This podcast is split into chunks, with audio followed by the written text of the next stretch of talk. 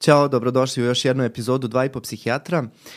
Danas pričamo o graničnom poremećaju ličnosti iz malo drugačijeg ugla nego prethodni put.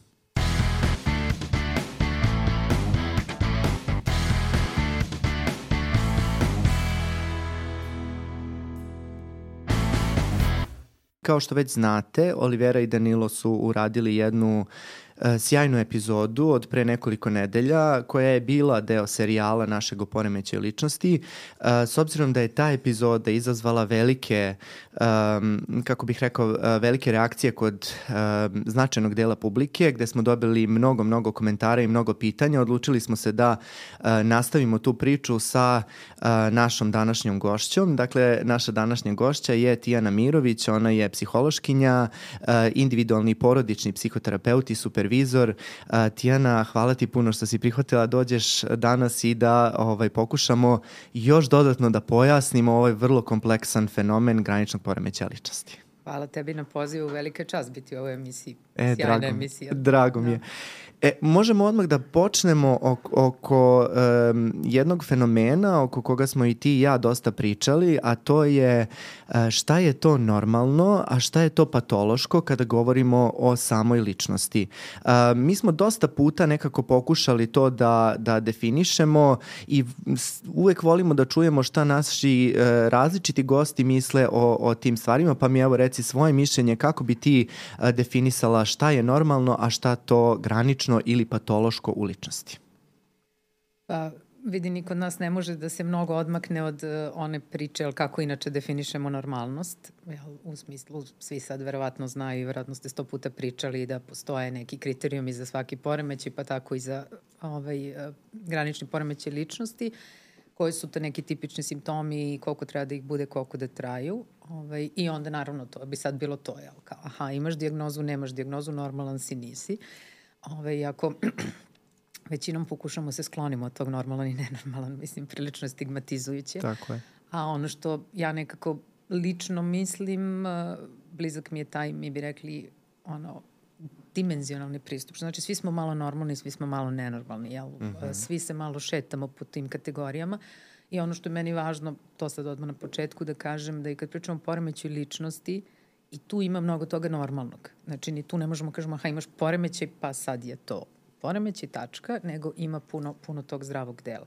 Tako da, za mene to je jedna dimenzija koja, ok, može se shvatiti tako, imaš, nemaš simptome. Mi psiholozi volimo koristimo testove i onda bi rekli, koristili onaj statistički kriterijum, jel, kao mm -hmm. gledaš normalnu raspravu, zvonasta kriva, znamo je sa 10 maraka ko se seća toga, ovaj, i tu gledamo šta odstupa od nekih normi i normalnosti, pa bi opet rekli, aha, imaš visok skor na tom i tom testu ovaj, i, i to to znači.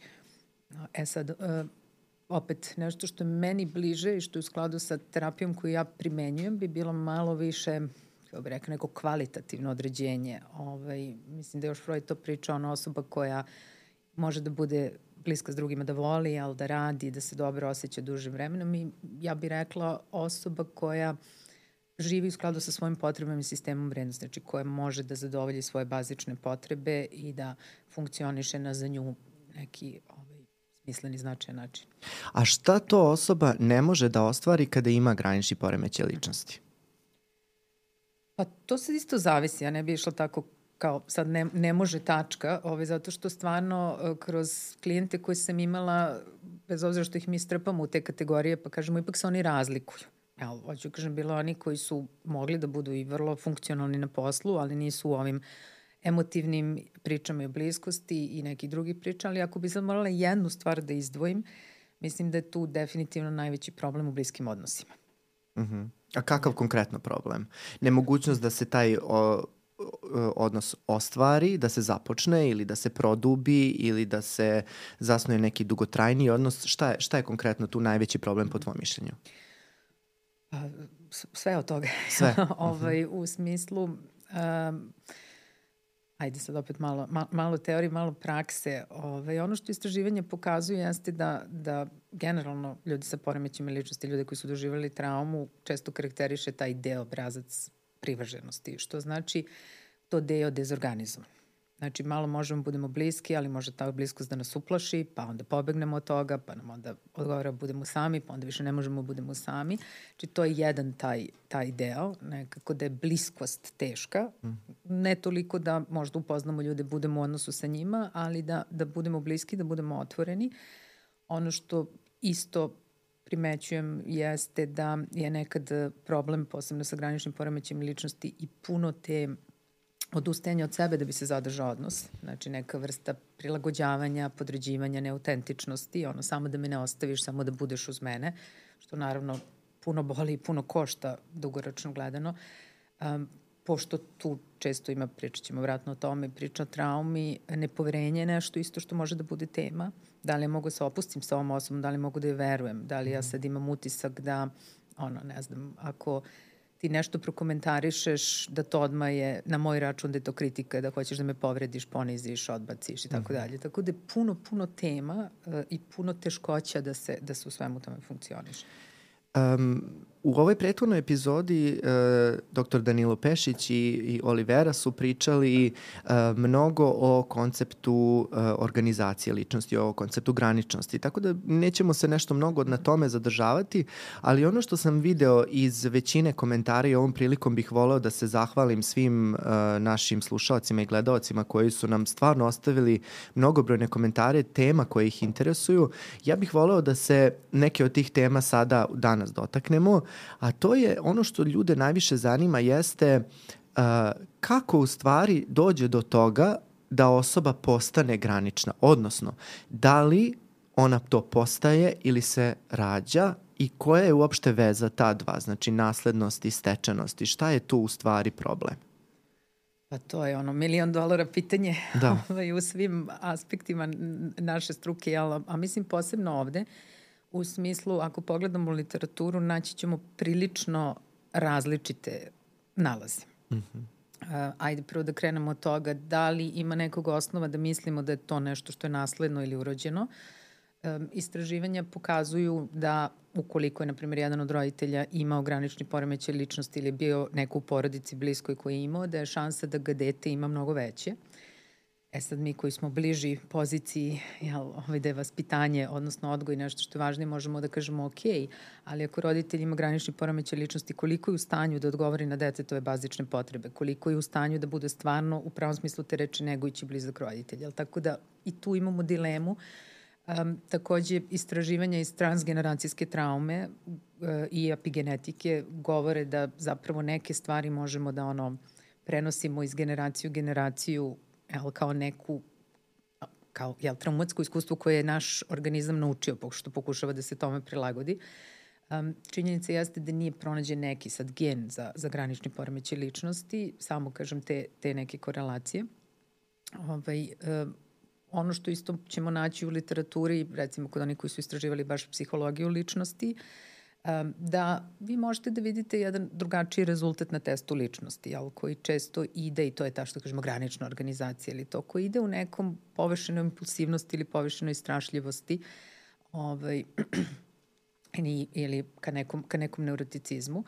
Um, nekada vidimo da su to osobe koje kad ih pitate ono, će reći da u smislu temperamenta su od uvek bili hiperosetljivi, da uh, su se teško odvajali, na primjer u vrtiću, ono kad treba da, da odu, da je uvek postala ta jedna zalepljenost više za, za okruženje, da su im smetali neke stvari tipa etikete na, na odeći to, ovaj, ali ja opet sad nekako bih rekla da to vidimo, ali možemo da postavimo pitanje da li je to stvarno nešto što je u bilo kom smislu uzrok. Mm -hmm. Ove, ovaj, ja često navodim taj primjer, imala sam priliku da radim dugo u muzičkom obrazovanju, tamo je puno hiperosetljive dece, ovaj, koje isto kada klinički ispitate, vidite da imaju ozbiljan skok u anksioznosti, pa čak i nekim subdepresivnim kategorijama, ali isto tako ako neko to prepozna i neguje, jel, i ume sa tim, i ume da nađe tu finu meru kako da ih podrži i njihove emocije, ali da ih s druge strane malo, malo i ojača, oni često ono imaju super, super se razviju, čak budu fenomenalni muzičari ili imaju tu muzikalnost. Jel? Ono što je često problem uh, sa poremećem ličnosti kad pogledate tu istoriju, jeste da u najbližem slučaju su imali porodice koje nisu sa tim umele koje su onda bile jako kritikujući i kažnjavajući ono po principu jao samo tebi nešto smeta, daj se molim te trgni, jel da su onda smetali i u školi, bili ta deca problemi, jel mi volimo onu decu što se ne vide i to. Mm. Ovaj, tako da ovaj, ne, neka, ajde kažemo, neka biološka tačka postoji, ne možemo da kažemo da ne postoji, ali ja mislim da ona nije apsolutno dovoljna i ne samo ja, nego istraživanja to isto pokazuju da bi se razvio poremećaj mm. ličnosti. Ono što je moje iskustvo iz prakse je da uh, nikada nisam imala klijenta, uh, puno pritom superviziram kolega, puno pričam sa ljudima koji se baš bave poremećima ličnosti i niko od njih mi nije rekao da je nekada imao, ne kažem da niko nije, ali evo, pričam o svom iskustvu, um, osobu sa diagnozom uh, graničnog poremeća ličnosti, a da nije postala razvojna trauma.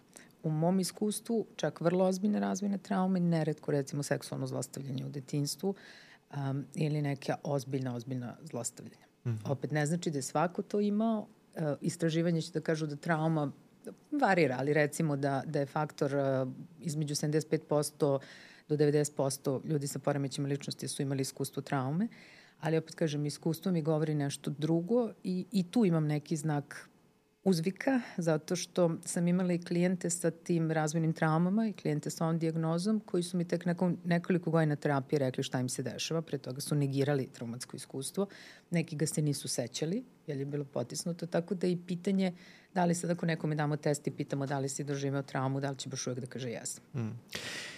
Uvek je ta priča o psihijatriji kada govorimo o uzrocima ovakva. Znači, uvek imamo tu nekako uh, jedan, da kažemo, onako bučkuriš stvari, to i socijalnog okruženja, i vaspitanja, i transgeneracijskog, i genetike, bioloških, i vaspitanja i tako dalje ali um, nema mnogo, da kažem, ni psihijatrijskih poremećaja koji imaju tako jasnu korelaciju sa razvojnim traumama. Jako mi je e, drago što si to napomenula, pa mi sad reci iz tvog e, nekog iskustva ili iz nekog tvog ličnog mišljenja, e, koja je povezanost između rane traume i toga da se neko organizuje u sklopu toga da postane uh, granični poremećaj ličnosti. Šta je to kada bi trauma, kada se ta trauma desi, koji je to razvojni period uh, i na koji način ličnost u stvari pati do momenta da u odraslom periodu ona više ne može da zasniva eto te bliske odnose koje smo rekli da su najistaknutija komponenta graničnosti.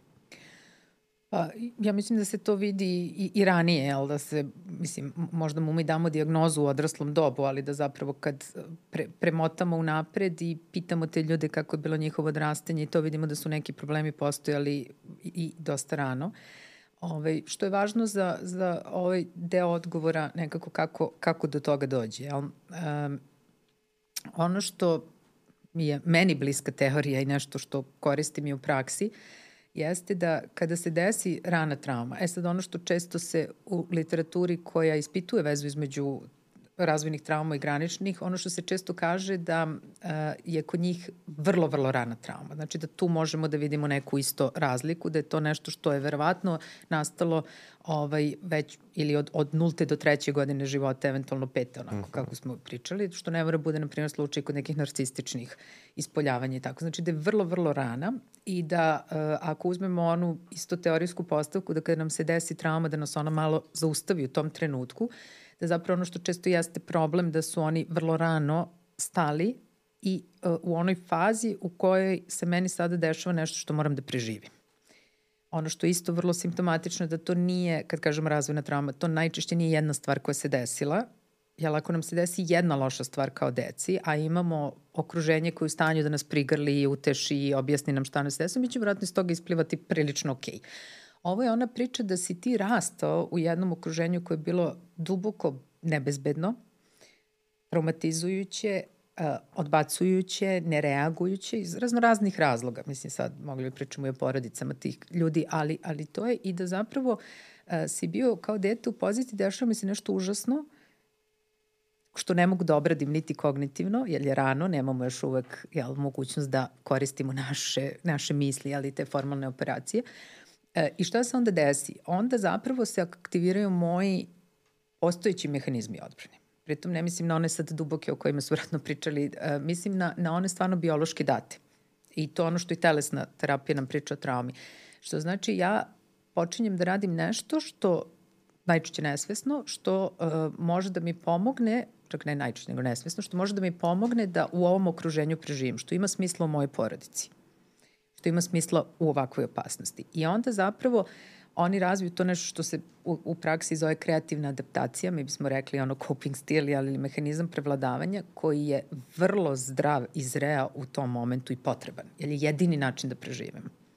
A kako to izgleda? Problem, kako, to, kako to u praksi izgleda? E, on, samo da, aha, ono što je problem je, ne, nema problem, slovno mi pre, ovaj, zusti, nego ono što je problem što uh, ti nastaviš da ga koristiš i kasnije kad on izgubi svoju funkcionalnost. Ali naš kolega to lepo kaže, on kaže kao kad si nosio gips, kad si slomio nogu, ali onda si nastavio da ga nosiš. Ali u praksi kako to može da izgleda? Pa bukvalno sve ovo što mi vidimo kao simptome graničnog poremeća ličnosti. Uh, ljudi kažu, aha, granični su impulsivni.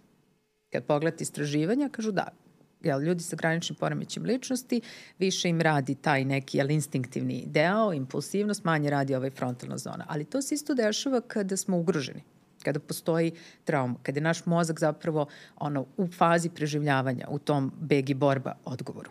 E, I kada si doživao traumu, ti naučiš da je svet nebezbedan i tebi sve danas kao da nosiš taj veliki kofer sa sobom. Znači ti mene možeš, evo, klasičan primer iz praksi. Ja, na primjer, bacim pogled na sat da bi mogla da znam koliko nam je još ostalo za seansu, da znam da strukturišem vreme. Ako preko puta mene sedi, na primjer, neko ko je na to osetljiv, jel, da kažemo neko te granične strukture organizacije, on odmah može da uđe u bes ili u povređeno zato što to vidi i kaže najčešće, pa da, evo sad vi gledate na sat, ja sam sad dosadna, vi ćete da me napustite kao i svi, ja ne mogu više ovako. Meni, znači, prosto ta jedna na izgled sitna stvar pokreće svu tu neku boli povređenost koju, koju smo mi imali. Ako pogledamo druge simptome, na primjer često to ljudi kažu, jel, granični su impulsivni. E, moje iskustvo kad dođu na terapiju, mnogo manje imam, vidimo to. Mnogo više zapravo vidimo ovaj drugi deo koji može bude odgovor na traumu, a to je ta isključenost, jel, ta tupost, ono nam, što bi rekli, zaleđenost, jel, nema emocija, nema nekih misli, nekad ne znaju otprilike ono dalje danas sreda, koliko je sati i tako dalje, mm. što opet je jedan traumatski odgovor te ono zaglavljenosti u frizu, jel, odnosno u toj, u, u toj prepuštenosti. Onda rekli smo, jel, često mogu da budu podređujući da se prilagođavaju drugima, ono, a šta vi mislite, kako vi mislite, da, da se slažu i to, što isto može da bude adaptacija na to, ali ako sam ja imala roditelje sa kojima sam ono mogla da osiguram da ću ostati živa samo ako klimam glavom i ako budem dobro dete ili sam mogla preživim ta zlostavljanja samo ako se isključim ili samo ako se bijem ili reagujem impulsivno, pa naravno ću to da radim. Jer mi smo napravljeni da preživimo i mozak to automatski radi. I onda se mi samo, kako bih rekla, tu zaglavimo jer nije nikad obrađeno i nastavimo to, a onda naravno kad ti nastaviš tako da živiš i to ono što je muka sa, i sa poremećim ličnosti ovo, je što ti onda na svakom sledećem koraku zapravo nažalost e, ponavljaš taj svoj obrazac Jel, to je to što smo rekli, ti dođeš u školu tako hiperosetljiv, jel, isključen, onda nerviraš ove što si isključen ili si impulsivan, pa si teško dete, pa dobiješ diagnozu ADHD-a, dobiješ ovo, dobiješ ono.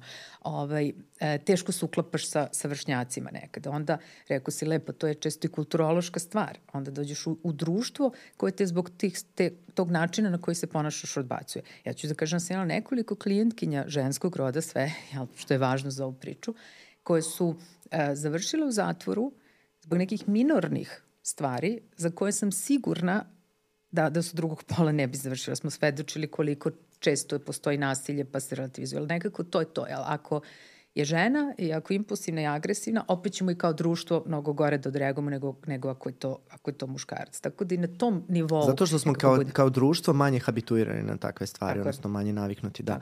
E, ali e, jako si, mislim, ovo čini mi se da će svako razumeti ovo što si pričala, ali e, moram da, da se vratim jedan korak i da te pitamo kakvim se tu traumama radi. U, u jednom trenutku si napomenula seksualnu traumu, za koju znamo da u tom najranijem periodu može da bude jedna od naj, najvećih trauma koja detetu može da se desi, a s druge strane si pomenula i to mogu biti i neke, mi, uh, da kažem, ne mogu kažem mini traume, ali neke kao manje stvari koje su u uh, jednom dugotrajnom vremenskom periodu dovele do istog ishoda. E sad mi reci, o kakvim se tu traumama najve, najviše radi kada su pitanju ove velike traume pod znacima navoda ili te neke serija manjih traumatičnih situacija koje dovedu zapravo do iste strukturacije? Meni tu jako bliska definicija Petera Levina, to mi je moja definicija traume kojom se vodim, a to je da je trauma u telu, odnosno da nije stvar šta se desilo, nego um, nešto što je bilo prejako za nas ili nismo bili spremni u tolikoj meri da je naš mozak morao da uđe u taj poseban režim funkcionisanja i da je ostao zaglavljen tu. Tako da upravo si nekada je to ono što bi rekli kompleksna ili ono dugotrajna trauma, ne mora da bude nešto dramatično, ali je stalno prisutno. Mada to češće ode kao C klasteru, jel ta subtilne, kako bi rekla, prezaštićivanja ili tako neke stvari koje nam možda nisu u fokusu. Ovaj, ali e, mogu da budu i ozbiljna traumatska iskustva. Hronično zlostavljanje, hronično zanemarivanje, ono zanemarivanje na nivou da je pitanje ono, da li su se setili roditi, da li imaš nešto da jedeš i da li si obučen i prisvučen. To sad ne pričamo tamo nekim porodicama, jel, um, siromašnim, ne, pričamo o, o regularno ovim porodicama. I jednom sam e, bila na a, seminaru koji je držao Bateman, koji je jedan od tvoraca pristupa baziranog na mentalizaciji jednog od važnih zagraničnih poremeća i za njega interesantno, on vodi grupe sa recimo antisocijalnim poremećem ličnosti.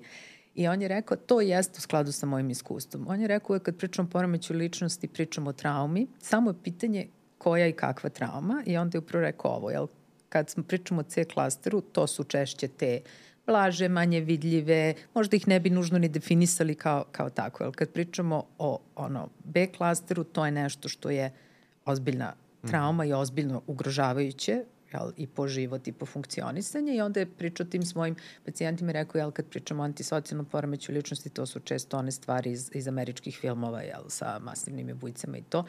Tako da ove, možemo i tako da posmatramo. Mm -hmm. Meni meni to ima smisla da. sa mojom praksom, da. Da, i meni, i kad govorimo o traumi, meni se mnogo svidela rečenica Gabora Matea, iako postoje različite, ovaj, kako da kažem, kritike na njegov rad. Između ostalog imam i ja neke zamerke kada je Gabor u pitanju, ali mi se jako svidela ne, jedna njegova rečenica kad je on rekao da je trauma povreda. Nekako je doveo do, do, to do, ovaj, na, na nivo da mi možemo da razumemo, jer čini mi se da smo mno, mi kliničari, a i generalno narod izverziran tako da razmišlja po tom starom redukcionističkom medicinskom modelu.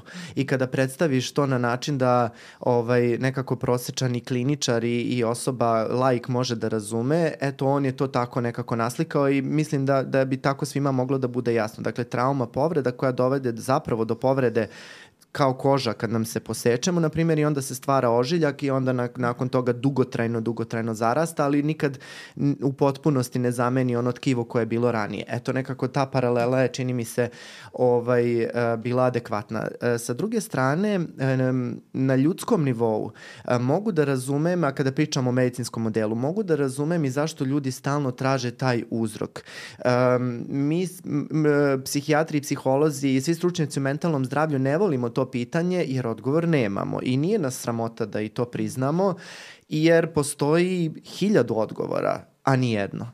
I, a na tom nekako ljudskom nivou potrebe osobe da zna zašto se nešto dešava mi je potpuno, mm. potpuno mi je jasno, ali evo tu smo malo da i razbijemo taj deo, da kažemo da prosto ne postoji nikada jedan tačan odgovor. Možda bi eto poruka sad za sve slušalce bila da pogledaju malo u sebe, u svoju porodicu, u to uh, i šta mogu da izvuku iz ovakvog našeg sadržaja, što bi možda bilo uh, protektivno, odnosno što bi štitilo njihovu decu da se razviju u tom smislu ukoliko su preživala neku veliku traumu. E sad ti meni da, reci. Da, izvini, Aha, samo kaži... u, u pravu si, to nismo nekako ni dovoljno rekli, jer sam se ja fokusirala na ovo negativno. Ovaj, neko je možda imao ovakve iskustvo kojima ja pričam, a nema ni, ni eh, kako bi rekli, nema ni neki post-traumatsku priču, niti je otišao u pravcu poremeća ličnosti, zato što i ono, zdravi faktori utiču jel, i naša rezilijentnost utiče, tako da da, upravo si, to je milion faktora koji mi ne možemo da ispratimo, možemo samo da znamo od prilike šta i kako.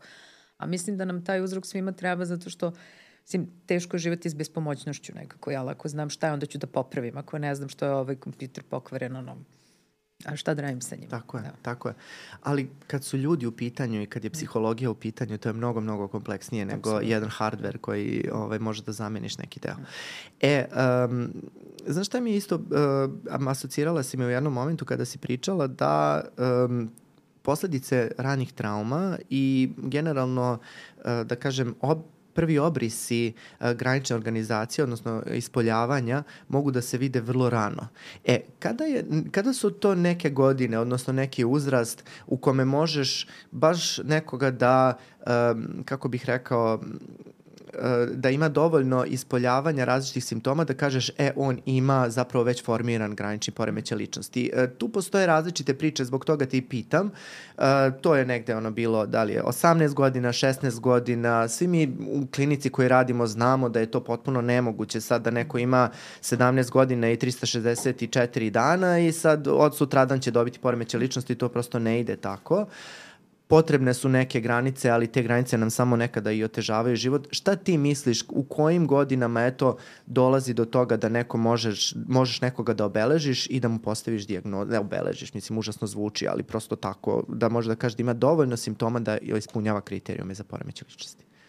Pa ja sad nisam idealna osoba za pitati, pošto ja nisam fan dijagnoze kao, kao takvih. Ovaj, Sjajno, da, on, tim bolje. Da, Molim te onda mi reci šta misliš o tome. Da, ja, ja sam za to ono dik ne postavljam. Šalim se, naravno, ne mislim tako baš apsolutno. Ovaj, uh, ali uh, nisam sigurna šta, šta bi bio odgovor. Prvo, nisam psihijatar i, i ne radim sa decom, možda bi pre ti to video. Ja mogu da pričam šta ja čujem od, od mojih klijenata, kako je izgledalo njihovo odrastanje. Mm -hmm O, mislim da svakako ima smisla da se to odloži za što kasnije, jer ne mislim da je bilo ko od njih mogao da dobije diagnozu graničnog i trebao da dobije. Um, ono što često pričaju jesu to kažem ti problemi u, u uh, odrastanju. Sad tu stvarno mogu budu različite stvari. Od toga da su imali probleme sa učenjem, na primer, ono naj, najblaže, uh, ili da su imali probleme u tom socijalnom funkcionisanju, ili da su bila ta po navnicima nemoguća deca. Uh, neki broj mojih klijentkinja je tokom adolescencije lečeno od anoreksije, recimo, i od poremeća ishrane, a kasnije su dobili diagnozu graničnog poremeća ličnosti. Um, neki su rano ušli u neke oblike zavisnosti, pa i to nešto što mo možemo da vidimo. E, negde čujete upravo tim turbulentnim odnosima i vezama. E, I sad, meni je bilo interesantno nekako čitajući tu e, priču e, knjige u stvari o traumi, posebno Vesela van der Kolka, koga često volim, volim da citiram, Uh, on dosta priča o tome kako, na primjer, kad bismo uveli diagnozu razvojne traume kao diagnozu, jel, ako pričamo mm. o diagnozama, da bi zapravo mnoge od ovih silnih diagnoza koje dajemo deci zapravo u izvesnom smislu pala u vodu, odnosno bile pokrivene time. I da tu opet možemo da razmišljamo više o toj jel, disregulisanosti nervnog sistema, jel, ta deca koja ne mogu da sede, koja ne mogu da... Ove, I danas postoji taj pristup, e, na primer, e, ta pristup informisano traumi, posebno za škole, gde se upravo to gleda kako da prepoznamo decu koji imaju neke probleme u funkcionisanju i da ne pokušavamo da sad nužno rešimo te simptome ili da ih kažnjavamo, nego zapravo da vidimo šta je iza toga i da probamo na neki drugi način kroz odnos najčešće da, da im pomognemo. Posebno što postoji neka istraživanja da zapravo uh, poremeće ličnosti pa i ta granična organizacija u stvari i malo reaguju na kaznu, da je to upravo nešto što ih što ih malo i razlikuje. Mm. Tako da ovaj, nisam ti odgovorila na pitanje, znam, jer nemam zapravo konkretan odgovor, mm. ali mislim da treba sačekati i da mislim da umesto dijagnoza možda pre treba razmišljamo u kontekstu uh, šta se ove osobi desilo, zašto se ova osoba ovako ponaša, šta je iza tog ponašanja. Mm.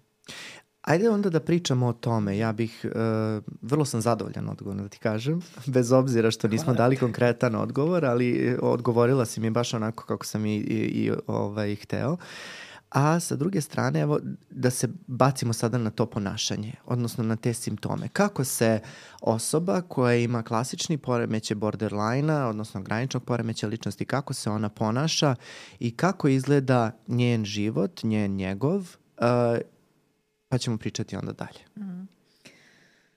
Meni se mnogo dopada u nekim knjigama to kao najkraći mogući odgovor, jel, kako izgleda unutrašnji svet, ovaj, onda nude ti autori kažu haos i praznina. Mislim, to mi je mhm. nekako onako i, i slikovito, jel, haos u onom delu, ovo čemu smo pričali, neke impulsivnosti, neke nemogućnosti kontrolisanja emocija, pošto ne mora da bude emocija besta, to može da bude i ono recimo pričali smo o tom nekom strahu od napuštanja, to može da bude tolika prepljenost. Vi u tom momentu kad vidite tu osobu, ona stvarno ima utisak da je sama na svetu. Tu vidimo taj deči deo, tu vidimo tu zaglavljenost u tome. U svetu u kome ne može sama da preživi, znači tu je puno plača, tu je puno očaja, tu je puno straha, Znači, pravog, autentičnog takta, on, mogu da se tresu, mogu da, znači, i ne znaju kako i šta sa tom emocijom, upravo zato što nisu nikad imali nekoga ko bi ih pregrlio, utešio, umirio i tako dalje. Ako ode na, na bez, to jeste ta nekako impulsivnost koja sad, znaš, ako ti kažeš nešto što mi se ne sviđa, ću te možda stvarno gađati ovom šoljicom, jel, i, i nekako tek kasnije biti na poziciji, aha, to se desilo. A onda ono što je najgore, kada osvestimo to, pogotovo ako okolina odreaguje, okolina naravno prirodno odreaguje, ti bi se na mene ne ljutio, rekao bi, ne znam, neću više nikad te pozovem da. u, u emisiju, jel, onda bi krenulo ta, ono, ogromna samokritičnost koja zapravo je mržnja prema sebi u, u nekom, opet ako pričamo o emocijama, ono, da sam jedna užasna osoba koja ono, i, i ne treba da me zoveš i, i, i ono, ja ne zaslužujem da živim i ne treba da postojim. I mislim, moje iskustvo je da se najviše isključuju i ulaze u ovaj deo, taj praznine, baš zato što je mnogo teško živeti sa tim unutrašnjim glasom, to opet može bude deo traume, da, je zapravo svet bio bolje mesto tebe nema i da kogod da te upozna, da te stvarno upozna, suštinski bi video ništa ili bi video tu užasnu osobu i zapravo zauvek otišu tebe. Tako, I ono sad što je specifično za granični je da ovo što sam ja opisala, da se to smenjuje, da se to nekad smenjuje u dva minuta.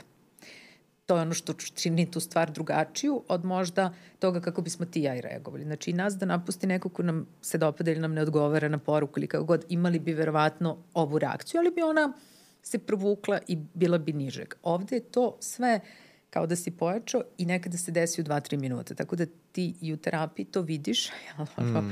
ovaj, bukvalno mi bi to rekli prolaza kroz te, kroz te modove. Mm. Pošto ovo generalno nije toliko popularna tema, uh, ja bih rekao da se ni ne priča o ovoj temi na pravi način. Sad kako smo počeli da snimamo taj serijal o poremećajima ličnosti, ljudi su masovno krenuli da prepoznaju obrise različitih poremećaja ličnosti kod sebe i kod svojih bližnjih. I onda su se našli nekako u nebranom grožđu i kao šta sad da radimo? Da li da se obratimo u kom trenutku? Šta od ovih osobina treba mene da zabrine? Um, kome da se obratimo? Šta, šta bi eto ti poručila svim tim ljudima koji su neke od ovih stvari prepoznali kod sebe ili kod drugoga. U kom trenutku da se obrate? Šta da rade? Pa ja mislim da tu ona priča što, što pre to bolje e, radi kao i sa svim drugim ono, problemima. Mislim, jel šta je, šta bi rekla, šta, šta, je, šta je najgore ako požurite? Pa ništa, jel? Odeći ćete kod stručnjaka koji će da porazgovara sa vama, da ono, vas uteši, razume i već će to biti dovoljno da vam bude dobro i možda će vam taj stručnjak reći nemate vi, mislim, nikakav poremeći ličnosti, jel, to je neko normalno funkcionisanje. Nekad se desi, dođu ljudi, na primer, a eto, ono, prekine im se veza sa nekim koji mi je bio užasno dragoceni, počnu po prvi put da osjećaju sad ovo čemu mi pričamo, onda se zabrinu, nađu na internetu, ne znam, googlaju, jel, i nađu, i, pa to je granični poremeći Ne, naravno, mislim, moramo da uzmemo sve ove stvari u obzir. Ali ako vas brine, verovatno postoji razlog da vas brine. E, I ja mislim da, da je ovo nešto što i ljudi u našem okruženju primećuju, E, tako da ima smisla ako nismo sigurni da li je ovo problem da malo sednemo, to nekad radimo u terapiji, ali napravimo ono, spisak, da li su to sad partneri, prijatelji, da li postoji neki obrazac koji se ponavlja. Da li sam, na primjer, stalno dobijao neke iste komentare, da ne znam, sam lepljiva ili da sam um, teška ili da sam agresivna. To, to sad ne mora da znači to istina. Možda prosto ti ljudi nisu imali kapacitet za nas. Ali vredi opet to sa nekim stručnim sesti preispitati, to dalje problem ovde ili, ili tamo, ove, i e, potražiti pomoć. Mislim mm. da to je jako važno zato što mislim pomoć postoji i dosta može da se uradi. Mi smo bežali od te teme, čini mi se iz dva razloga. E, jedan je zato što prvo to tako strašno zvuči. Mislim, mene taj termin užasno nervira. Poremeće ličnosti. Mislim, mm. šta to znači? Jel, ti si kao ličnost poremećena. Mislim, i tačka. Jel, ako ti je ličnost poremećena, šta, šta ćemo mm -hmm. sa mhm, tim? Jel? Mm -hmm. Ovi, tako smo nekad i učeni na fakultetu. Naprimjer, mi smo učeni, to je ličnost napravljena na pogrešan način. Jel? ovaj, onda smo dugo učili da to ne može da se izleči i onda naravno da i mi kao terapeuti možemo da imamo otpor prema tome i da ne pričamo o tome, nego kao, ok, to je nešto za psihijatriju, za neke lekove, pa sad držimo pod kontrolom, a i da sami ljudi koji imaju taj problem ili koji su tome prepoznali budu beshrabreni, u smislu to ne, nema, nema pomoći. Da. E sad, ono što može bude dodatno ovde problem, uh, mislim da je o tome vratno bilo priče kroz i ove druge teme, uh, mi možemo da budemo malo i na onoj poziciji da problem nije u nama. Jel, da su problem drugi ljudi. Da stalno ja nalazim neke što me napuštaju, što su nedostupni, što to, to je možda tačno. Pošto mi ponavljamo obrazac iz detinstva. Ali opet se onda postavlja pitanje a što se lepim za takve? Ajde da pr probamo da nađemo. Mislim, tako da ako se nešto ponavlja, ako traje, ako dobijamo stalno isti feedback, ako vidimo da život koji živimo je takav da nam neke najbazičnije potrebe i neko normalno funkcionisanje je ugroženo, ovaj, onda mislim da svakako treba da uradimo nešto po tom pitanju. Jako mi je drago da si pomenula tu temu, jer je to tema koja i nas, pogotovo nekako ljude iz struke, a mlađih generacija, pogađa. Ne mogu ni da zamislim kako je kada neko dobije dijagnozu poremećaja ličnosti uh, koja govori u prilog tome da je njegova ličnost poremećena. Kao šta ću ja sad s tim? Mislim, nekako je drugačije kada imaš depresivni poremećaj ili kada imaš anksiozni, pa to je nekako izmešteno iz tebe, možeš da posmatraš to nekako sa daljine, ali kada je tvoja ličnost, kada si to ona tvoja suština, je poremećen, to stvarno zna da bude veliki, veliki teret i onda možda da stvori čak i kontraefekat, mm. da se ljudi uplaše, povuku i da prosto ni, kako, kako će meni pomoći da izmeni sve ono što sam ja, šta onda meni ostaje, ko sam ja u stvari. Tako da ovaj, slažem se s tobom u tom smislu i m, zbog toga smo Olivera i ja i razgovarali, imamo u planu da napravimo jednu epizodu koja će se samo baviti dijagnozama. Šta dijagnoza u stvari nama znači. E, I zato sam e, i ovu epizodu voleo da koncipiramo na način da se ne bavimo konkretno dijagnozom, nego da se ba bavimo obrazcima ponašanja koje stvaraju ljudima teskobu e, ili osobama koje te teskobe osjećaju ili, os ili osobama iz njihove okoline na koje se one odnose i kojima takođe stvaraju uh, probleme. E pa u tom smislu bih volao i da te pitam, eto iz tvoje neke prakse, uh, kako je recimo imati partnera sa graničnim poremećajem ličnosti? Jer si rekla da oni od najranijeg perioda vrlo teško zasnivaju odnose, a kada ih zasnuju, onda se onako kao čičak zalepe, plaše se najviše na svetu tog odvajanja. Kako je živeti sa tim? Pa i to je kompleksno pitanje ovaj, i, i, i ti ja smo ovaj, iz, iz sistemskog okvira, pa yes. moram, da ga, moram da ga ubacim. Ovaj, naravno, ajde da krenemo od, od odgovora na ovo. Nije ni malo lako živeti sa nekim ko ima granični poremećaj ličnosti.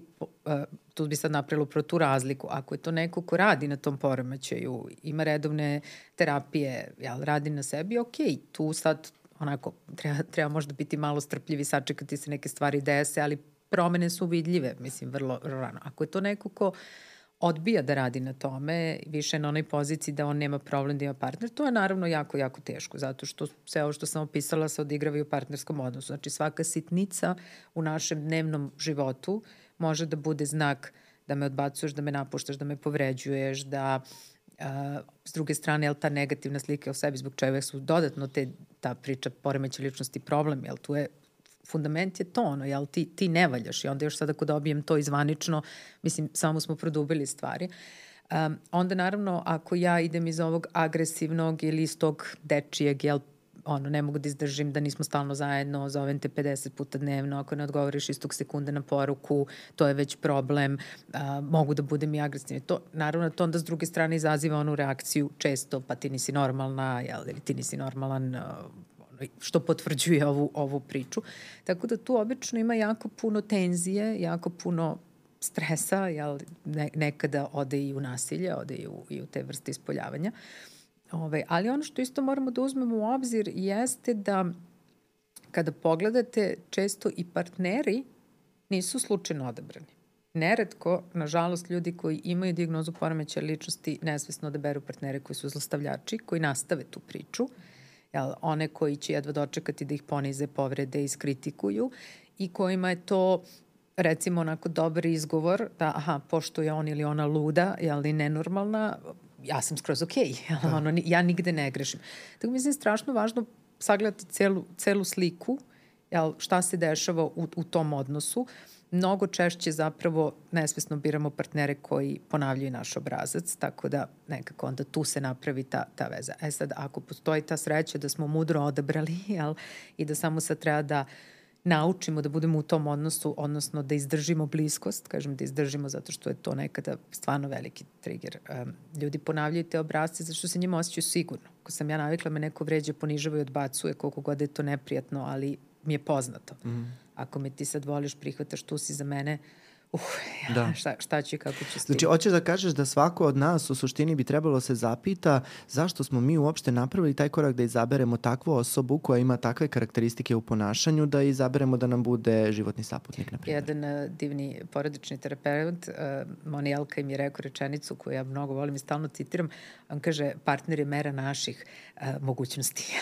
u smislu to važi za, za, za sve nas, ovaj, to nije ništa ni sramotno ni loše, potpuno je okej. Okay ali jeste važno da, da razvijemo. Naravno, ako uh, je partner podržavajući ili partnerka, ako uh, hoće stvarno da, da pomogne, da bude saradnik u terapiji, to naravno da mi možemo da radimo na tome da, da pomognemo. Jedna od važnih stvari bi bila onda da znamo šta jesu poremeće ličnosti, šta možemo da očekujemo. Upravo ovo, da možemo da očekujemo takve reakcije. To je važno i za terapeute, na primjer, kad se edukuju da znaju. Jel? Da znamo da nije baš sve u vezi sa nama, što nije uvek lako, jel, ako me ti sad napadneš zašto se ja nešto rekla, jel, prirodno je da odemo kao, aha, mene si napao, da ne razmišljam da, da je to tvoje.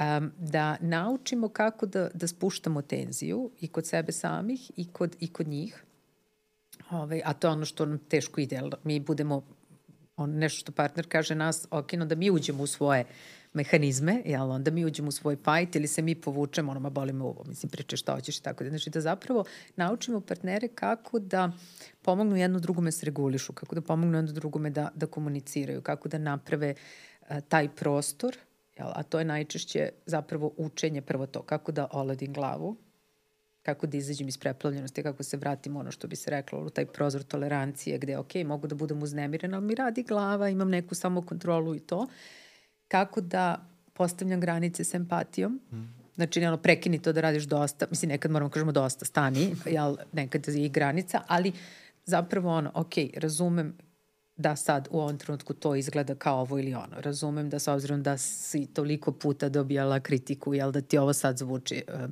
jednom momentu kako se dosta bavila narcističnim poremećima, ona koristi te, ona zove predupređujuće rečenice. Možda ovo što ću sada da ti kažem uh, ti zazvuči kao kritika, ali nije to poenta, hoću ovo ili hoću ono. Znači, puno ja rečenica, puno empatije i puno granice, jel, to je ta konfrontacija, jel? Ali granice u smislu ne ono, ne možeš to da radiš, jel? Ako smo besni, ćemo često kaže, baš hoću, baš me briga, da. jel? Nego, ako to radiš, cena je ovo. A cena su naše potrebe. Znači, ako nastaviš da radiš to i to, ja ću, jako to ne želim da se udaljim ja ću se isključim, ja ću se zatvorim. Mi to kažemo i klijentima na terapiji nekad, jel? Ako je u terapijskom odnosu to mnogo teško. Znači, razumem zašto se to dešava, potpuno ono, vidi mi to dete tu i vidi mi taj ono, koji, koji ušu u fight, ali moramo nađemo drugi način. Jel, ako nastavimo ovako, šta prirodno se desi, jel, to je ono, jel, ja ću da se isključim i kažem, ne mogu više da se ono, ili ću da uđem ja u svoj fajt i da kažem, nemojte, a vi meni ovo ili ono, tako da zapravo to učenje kako da komuniciramo sa puno saosećanja, sa puno um, razumevanja, sa jasnim granicama, sa validiranjem onoga što je istinito, sa mogućnošću kažemo izvini, baš zato što se često desi to, aha, pošto ti imaš taj poremeć, onda si ti za sve kriva, ili ništa ja nisam, ne. Ono, znači, postoji druga, druga strana priče. Kada je dosta?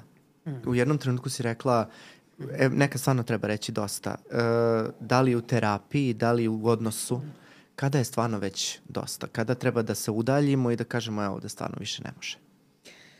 Pa za mene je to, pošto naravno dolaze mi često na terapiju i oni koji su partneri ili partnerke, mislim nije uvek uh, ova strana. Um, za, za mene je tu nekako jasna granica to da li neko prihvata bilo kakvu vrstu lečenja rada na sebi, mislim, o njihovi partnera. Ali ako ne, to nije nešto što će samo da prođe. To nije nešto što će, ono, tako, probudit ćemo se jedan dan i sve će biti ok. Mislim, bar nemamo takva iskustva. Ne znam, možda nekad možda to bude, bude, ali u ovom trenutku to nije slučaj. I uvek uvijek to da im kažem, dokle god to neko pristaje na lečenje, šta god sad ono značilo, nekada su to lekovi terapija, nekada je to samo terapija, zavisi koja je faza, ovaj, i trudi se i radi, ok je da mi vežbamo kako da tu budu podrške, kako sebe da zaštiti, kako sebi da, da pomognu. Ovaj, ako ne postoji ta pozicija, onda, mislim, to je, to je jasno s druge strane, mislim, svako od nas ima pravo da bira za sebe i odnos koji nije ugrožavajući. Tako da, to je neki drugi kriterijum. Ako su tvoj život i tvoje bazične potrebe, mislim, život u bukvalnom smislu, ali neko normalno funkcionisanje ugroženi, mislim, ok, tu povući granicu. Znači, to je kao bi rekla, svako od nas mora da zna svoje granice. Nema ona jedna opšta. Ja, ako bi stavila opštu, samo bi stavila novu. Da li se ta osoba leči? I pritom ne mislim ono leči kao što nekad ljudi rade, ono odradim, jel, kao eto bio sam i to je to. Nego mislim stvarno radi na tome. Da. Um, i, I ti i ja smo nekako izverzirani na sistemski način mhm. razmišljanja. Da pojasnim uh, ljudima koji nisu gledali ranije epizode. Dakle, sistemska porodična terapija nekako sagledava porodicu kao sistem koji je sastavljen iz nekih subsistema, odnosno članova koji međusobno utiču jedni na druge. I uvek se nekako u sistemu porodice izdvoji nešto što se zove identifikovani pacijent, odnosno nosilac simptoma. To su vrlo često deca. Možda u najvećem broju slučajeva su to deca, jer su najslabije karike, pogotovo deca u pubertetu i adolescenciji. Ja sam imao nekoliko slučajeva gde su nakon slušanja podcasta ili nakon neke edukacije ili nekog predavanja na temu graničnog poremećaja ličnosti, roditelji doveli decu i rekli ja mislim da moje dete ima granični poremećaj ličnosti, evo izvolite lečite ga. Čak sam imao i primer uh, majki ili očeva koji su, sad moram samo da nađem, izvinjam se, ovde Švrakićevu knjigu uzeli i čitali pred svojom decom. Dakle, ja ću sad samo da pokažem uh, ovaj, Švrakić i uh, Mirjana Divac Jovanović, sjajna knjiga Sjajna. na temu ovaj, graničnog poremećaja ličnosti, stvarno koga više zanima uvek može da, da tu pročita i da nađe odgovore na razna pitanja ali bih apelovao roditelje da to ne rade pred decom. Čak i ako sumnjaju da njihovo dete ima neke obrise graničnog poremećaja ličnosti, to ovaj, ne rade. I onda šta se desilo? Desilo se da je ta devojčica ovaj, došla kod mene u ambulantu i rekla, e, doktore, ja sam spremna, postavite mi dijagnozu graničnog poremeća ličnosti. Pomirila se s tim, odustala, digla je ruke i kao da su, da je taj sistem koji je nju opteretio, pobedio. I ona je digla ruke od sebe, ja sam to video, ja sam video poraz u njenim očima I evo, mislim, i, i dalje mi je teško i kad ja pričam o tome, ja mogu da zamislim kako, kako je njoj bilo u tom trenutku da to tako nešto izgovori. I onda sam ja morao ekstremne napore da ulažem, da ja njoj objasnim da ona ne mora da ima granični poreme, može da ima. I šta to uopšte znači? I šta to znači za nju? I šta to znači za njenu porodicu? I šta mi u stvari tu sad sve treba da uradimo da bismo možda doveli do toga, možda će ona da se izvuče što kažeš, možda će sutra da bude bolje, možda će biti bolje za dve nedelje, da nije kraj. I, i zato pokušavam nekako da ukažem na to da granični poremećaj, iako je ranije smatran da je to jedna doživotna dijagnoza, jedna doživotna tegoba, da to nije to više. Znači, mi ne, ne podležemo više takvim načinima razmišljanja. Zanima me da li si imala iskustva sa takvim stvarima, kada, pošto e, mnogo adolescentnih kriza uh, i mnogo mladih ljudi ima neke od ovih obrisa uh, graničnosti o kojima smo pričali. Uh, adolescenti i mladi odrasli, kako ih zovemo ovo 20 do 24. godine, vrlo često su impulsivni, imaju probleme u međuljudskim odnosima, imaju epizode samopovređivanja, neke od poremeća ishrane, svašta se tu nešto desi. šta bi ti, evo, rekla tim porodicama i tim adolescentima, ka, kako uopšte da, da to sagledaju, uh, u, u, možeš iz sistemske perspektive ili neko tvoje mišljenje?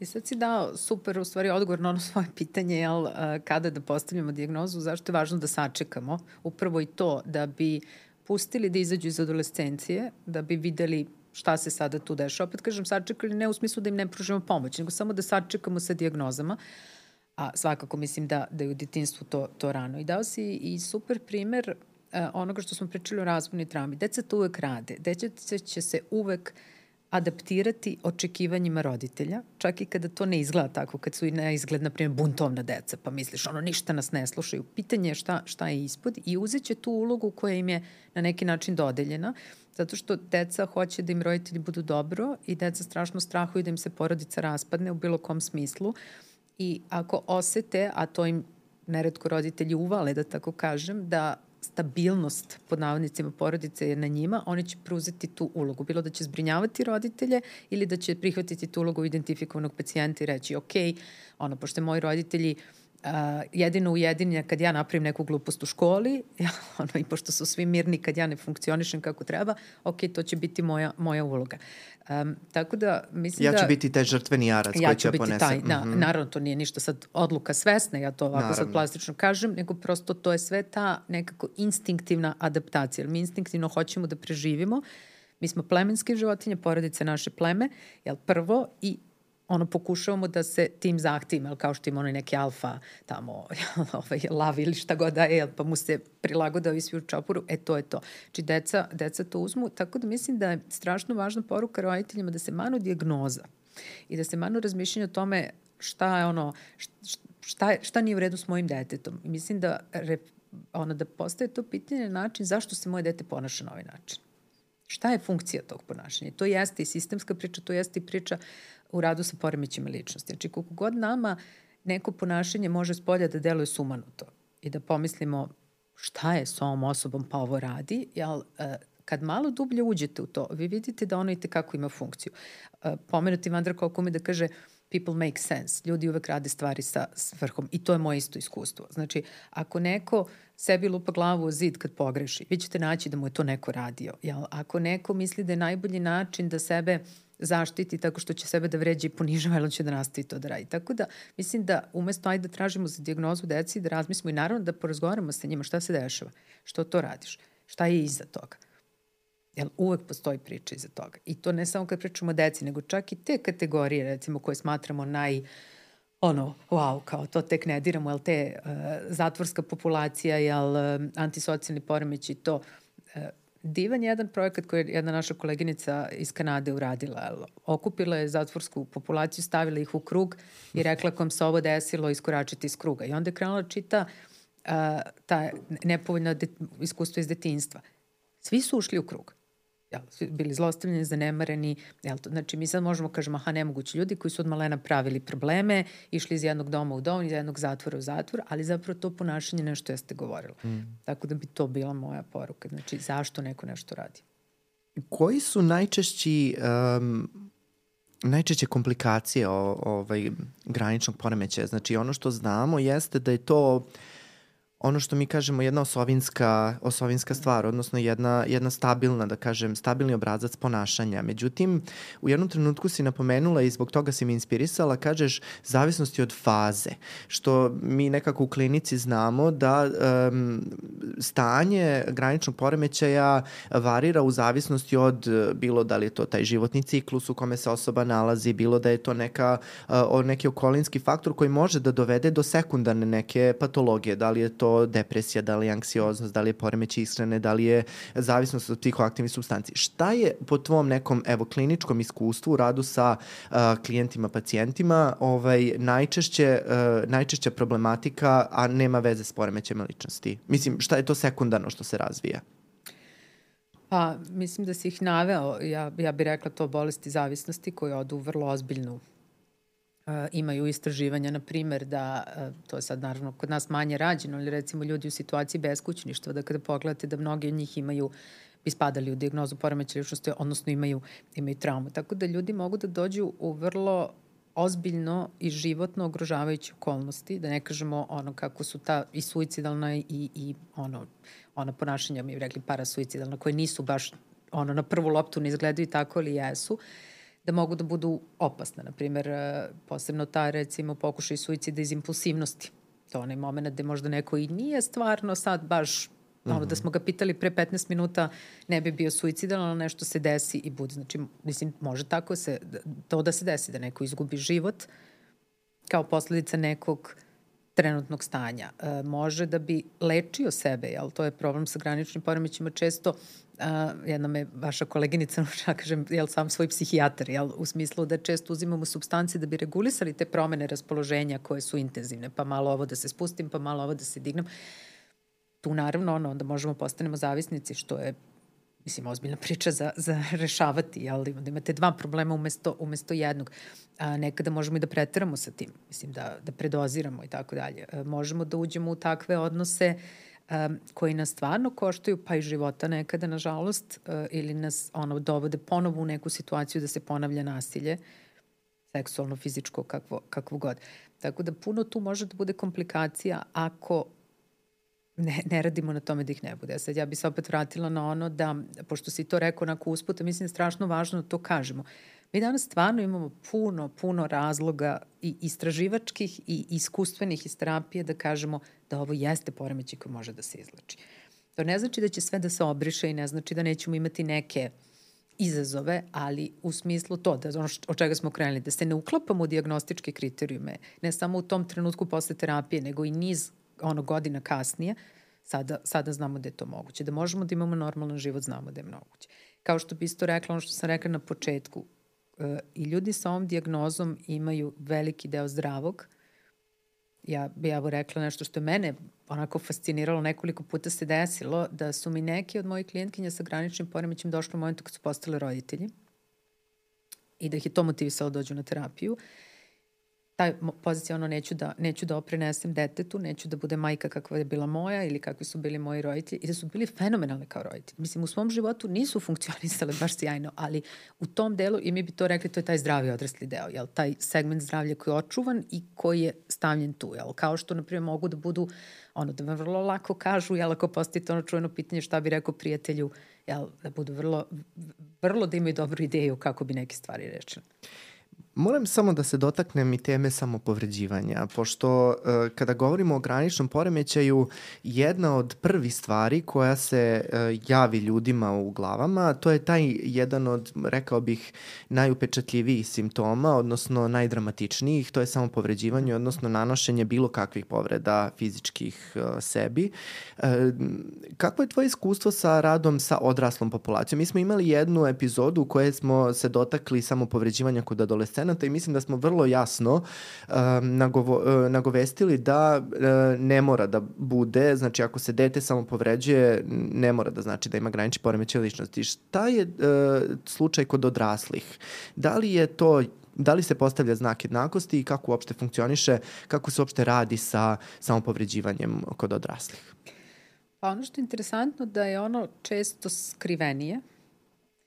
E, ređe sam sretala da baš, kako bi rekla, ono, uzmu pa se seku i to u odraslom dobu, ali, na primer, um, imala sam klijenta koji je uh, umeo da provocira grupe muškaraca kako bi dobio batine.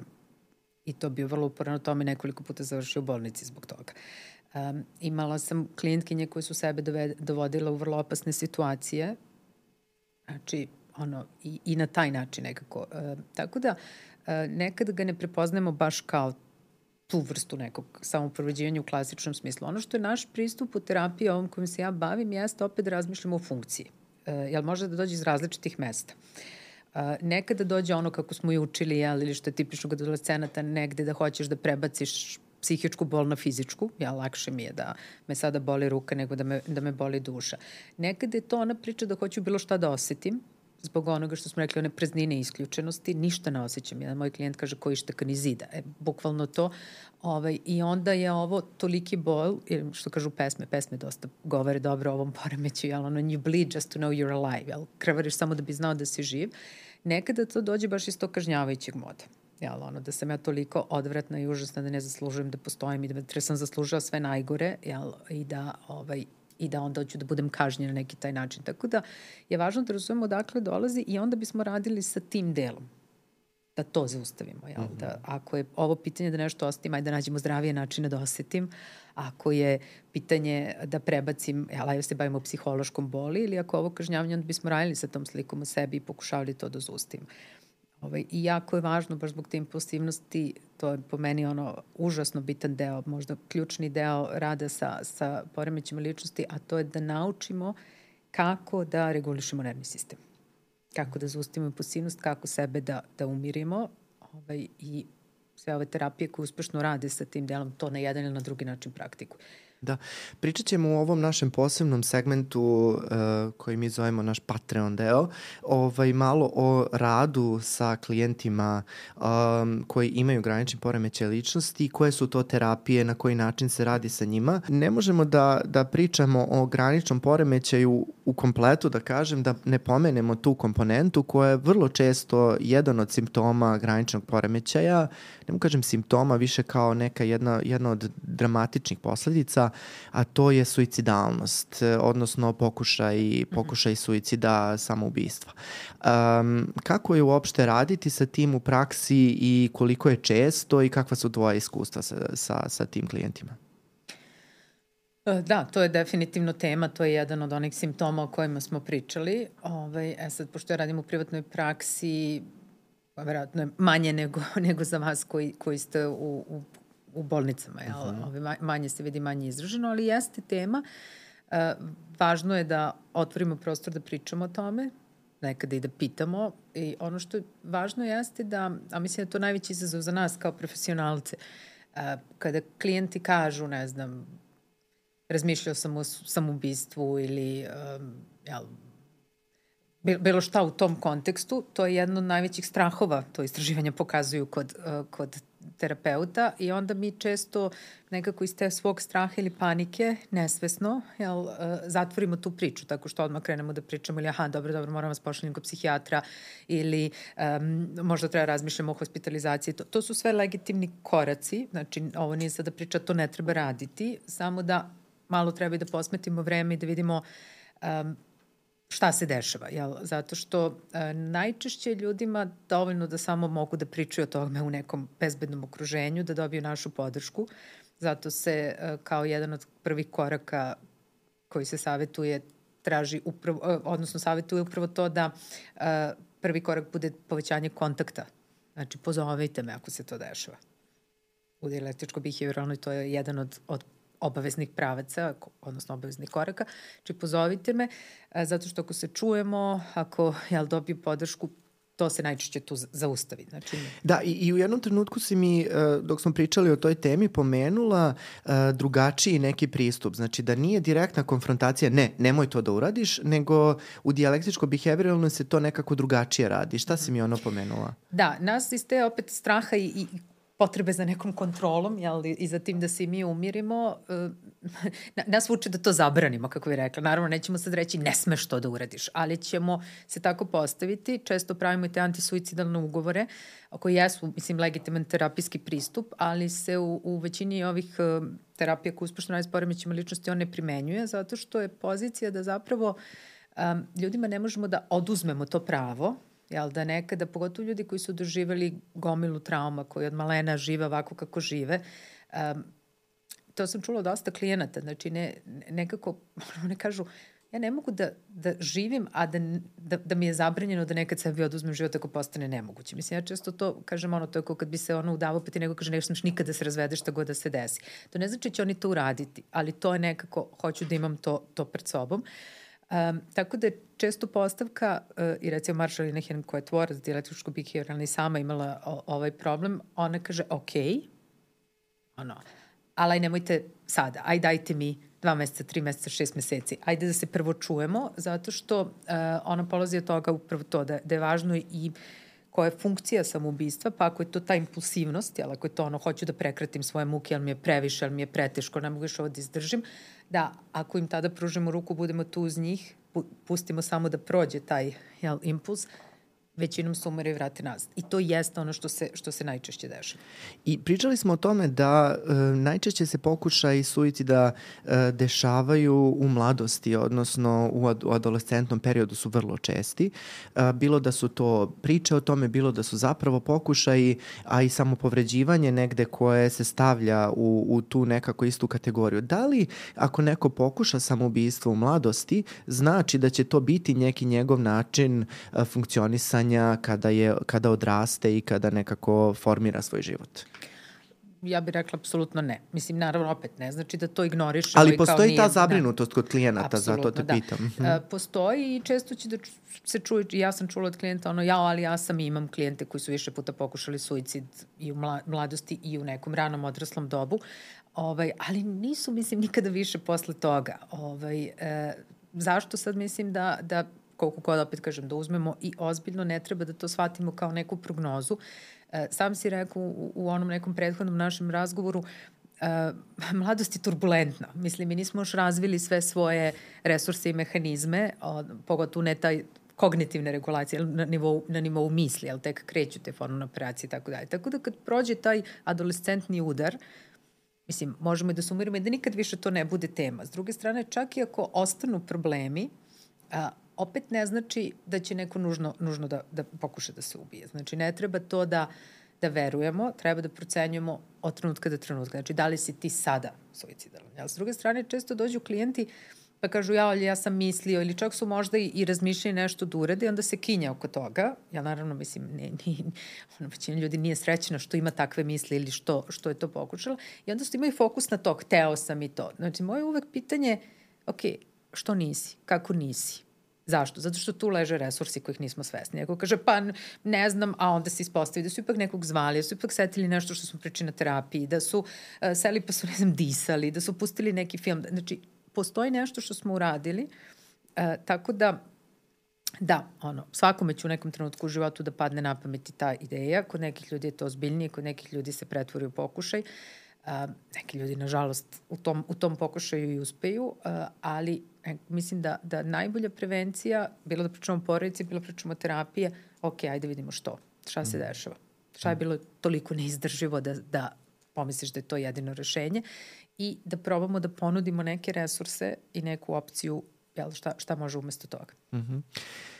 E sad, nekako za kraj da zaokružimo celu priču, počeli smo sa pričom o ranim traumama i ja ne mogu da završim epizodu bez da naglasim da smo se ti i ja i upoznali u stvari preko jedne knjige koju, ovaj, koju sam nabavio zahvaljujući tebi, a koju sam dugo, dugo tražio. Dakle, to je knjiga Telo sve beleži, sad ću da je pokažem za ljude koji gledaju video sadržaj.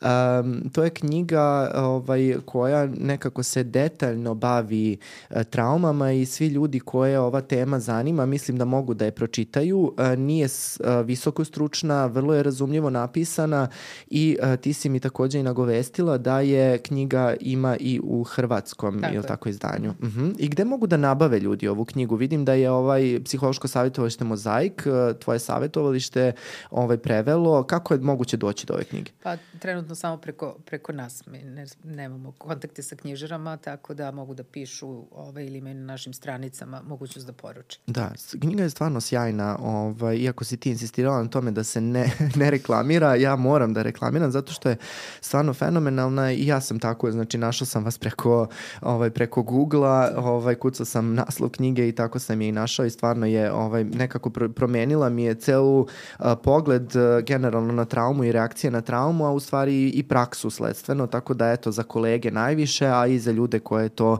ovaj, nekako najviše interesuje interesuje. E, mnogo ti hvala stvarno što si nam bila gost, stvarno si me inspirisala e, i podstakla na razmišljanje o mnogo stvari. Čini mi se da smo odgovorili na najveći broj pitanja, naravno pitanja će uvek i biti, ja uvek e, ovaj, stimulišem naše slušaoce da ostavljaju komentare šta god ih bude zainteresovalo, pa eto, nadam se da ćemo imati nekad još prilike da pričamo o nekim stvarima vrlo rado. Hvala tebi, ovaj, super mi je bilo da pričam sa tobom baš. e, da, hvala ti. Zadržat ću te još malo jer imamo ovaj, još jedan segment, to je naš Patreon segment. Dakle, uh, Patreon je naša nova platforma preko koje možete da podržite naš rad. Uh, ja ću naravno ovaj, apelovati na sve ljude koji vole naš sadržaj da se pretplate na Patreon. Imate više različitih ovaj, um, kategorija na koje možete da se pretplatite, gde dobijate dodatne dodatni video sadržaj. Mi ćemo um, pričati, nastaviti priču o graničnom poremećaju i o, generalno o terapiji, pristupu i ovaj, koje se to terapije bavi, na koji način rade sa uh, klijentima sa graničnim poremećajima ličnosti. Uh, za sve ostale moram još jednom da vam se zahvalim, mi smo stvarno uh, jako napredovali što se tiče uh, količine ljudi koja nas prati i koja se pretplatila na naš YouTube kanal, tako da ću sve ljude koji ovo gledaju i u ovom trenutku podsjetiti da treba da uh, se ovaj subscribe-uju ovde o, ispod ovog videa, da lajkuju video i ovaj da nam ostavljaju vrlo inspirativna pitanja. Nadam se da smo uh, ovog puta uspeli da odgovorimo na većinu vaših pitanja kada je graniči poremeće ličnosti um, u pitanju, tako da eto hvala svima još jednom i do sledeće epizode. Ćao!